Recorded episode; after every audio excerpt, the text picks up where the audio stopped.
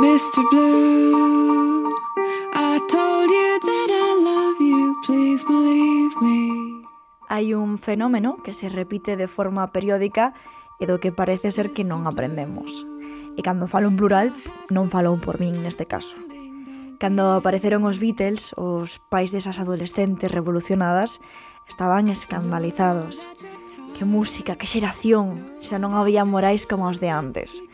Pero curiosamente, cando esas rapazas revolucionadas creceron e as súas fillas escoitaban a Kurt Cobain ou mesmo xa a Britney Spears, non lles quedou outra que escandalizarse e protestar porque vai a xeración sen valores, que escándalo. O mesmo que acontece agora cos baby boomers que se enchen a boca defendendo as súas cousas para meterse coa xeración que ten absolutamente precarizada e sen ningunha perspectiva de futuro porque está moi deprimida e usa moito o móvil. Unha análise completamente valeira da realidade e que non deixa de evidenciar que hai algo que vai mal, pero que lles bota culpa ás vítimas. Algo así como a que acontece neste diálogo entre Summer e a súa nai, Enrique Morty. Y en sucesos, el asesino de niños Joseph Eli Lipnick será ejecutado mañana por inyección letal. La ejecución ha traído a más espectadores que la muerte de los informativos de televisión. Carla. El hombre que llegó a comerse a su hijo Vaya, por fin van a ejecutarlo después de tanto tiempo. El hijo al que se comió era... Tu amigo Tommy, lo sabemos, no fardes de crimen real. Me traumatizó, Summer. Tu generación no lo entiende. Zorra, mi generación desayuna trauma.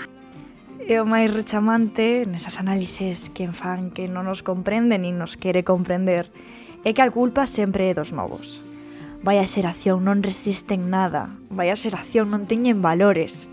Algo moi curioso cando tes en conta que quen criou esa xeración foi a mesma que critica o mal resultado desta. Algo así como a quen protesta por suspender pero sin ni sequera tocar o libro. E por iso son tan importantes, por exemplo, discursas como a do personaxe Madison Montgomery en American Horror Story, unha moza que era completamente prometedora, pero que chega a ter ningunha ilusión pola vida.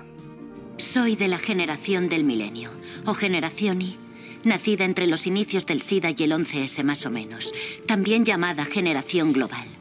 Se nos conoce por ser unos narcisistas privilegiados, porque somos la primera generación en la que todo niño recibe un premio solo por participar.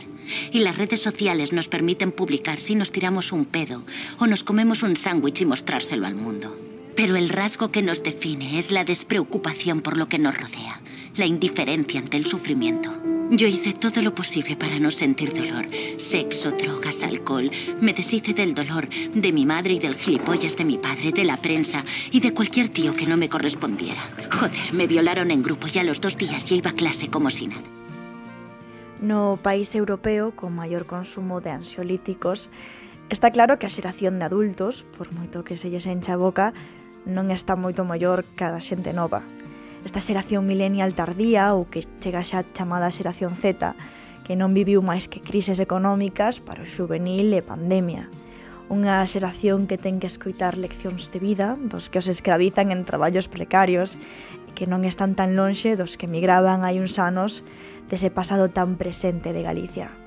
Pero se falamos máis en xeral, o certo é que moitas veces crecer tamén é darse de conta de que o mundo dos adultos é unha farsa absoluta que case todo é un desastre e que eses valores que se supón que nos faltan, dende logo non os teñen eles. E abrir os ollos pode ser un proceso moi doloroso, que o que lle pasa a Ru en euforia. El mundo es hostil que te cagas, ¿sabes? Es una puta mierda y mm, a nadie parece importarle, ¿no crees?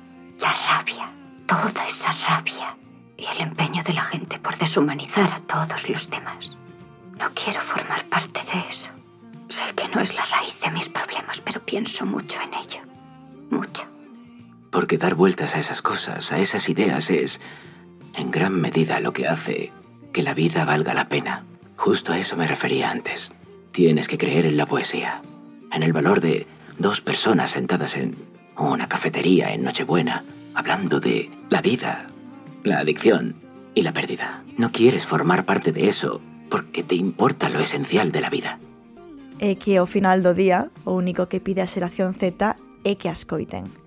que non temos valor só por saber usar un ordenador, que merecemos traballos dignos e estamos desesperadas polas oportunidades que tiveron nosos pais, que non hai máis ignorante que quen non quere nin escoitar nin entender, e que o único no que non me quero converter de maior é noutro dinosaurio máis que se escandaliza.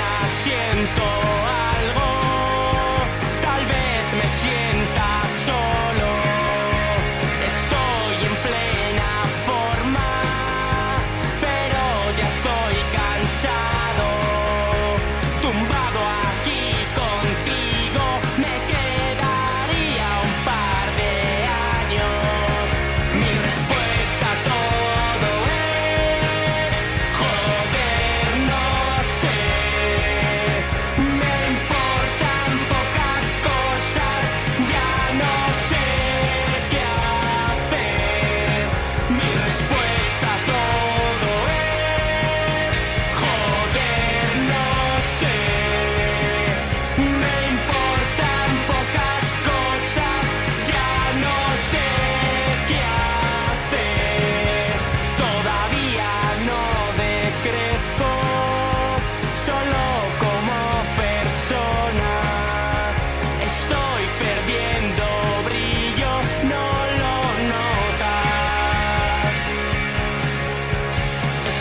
y empleo.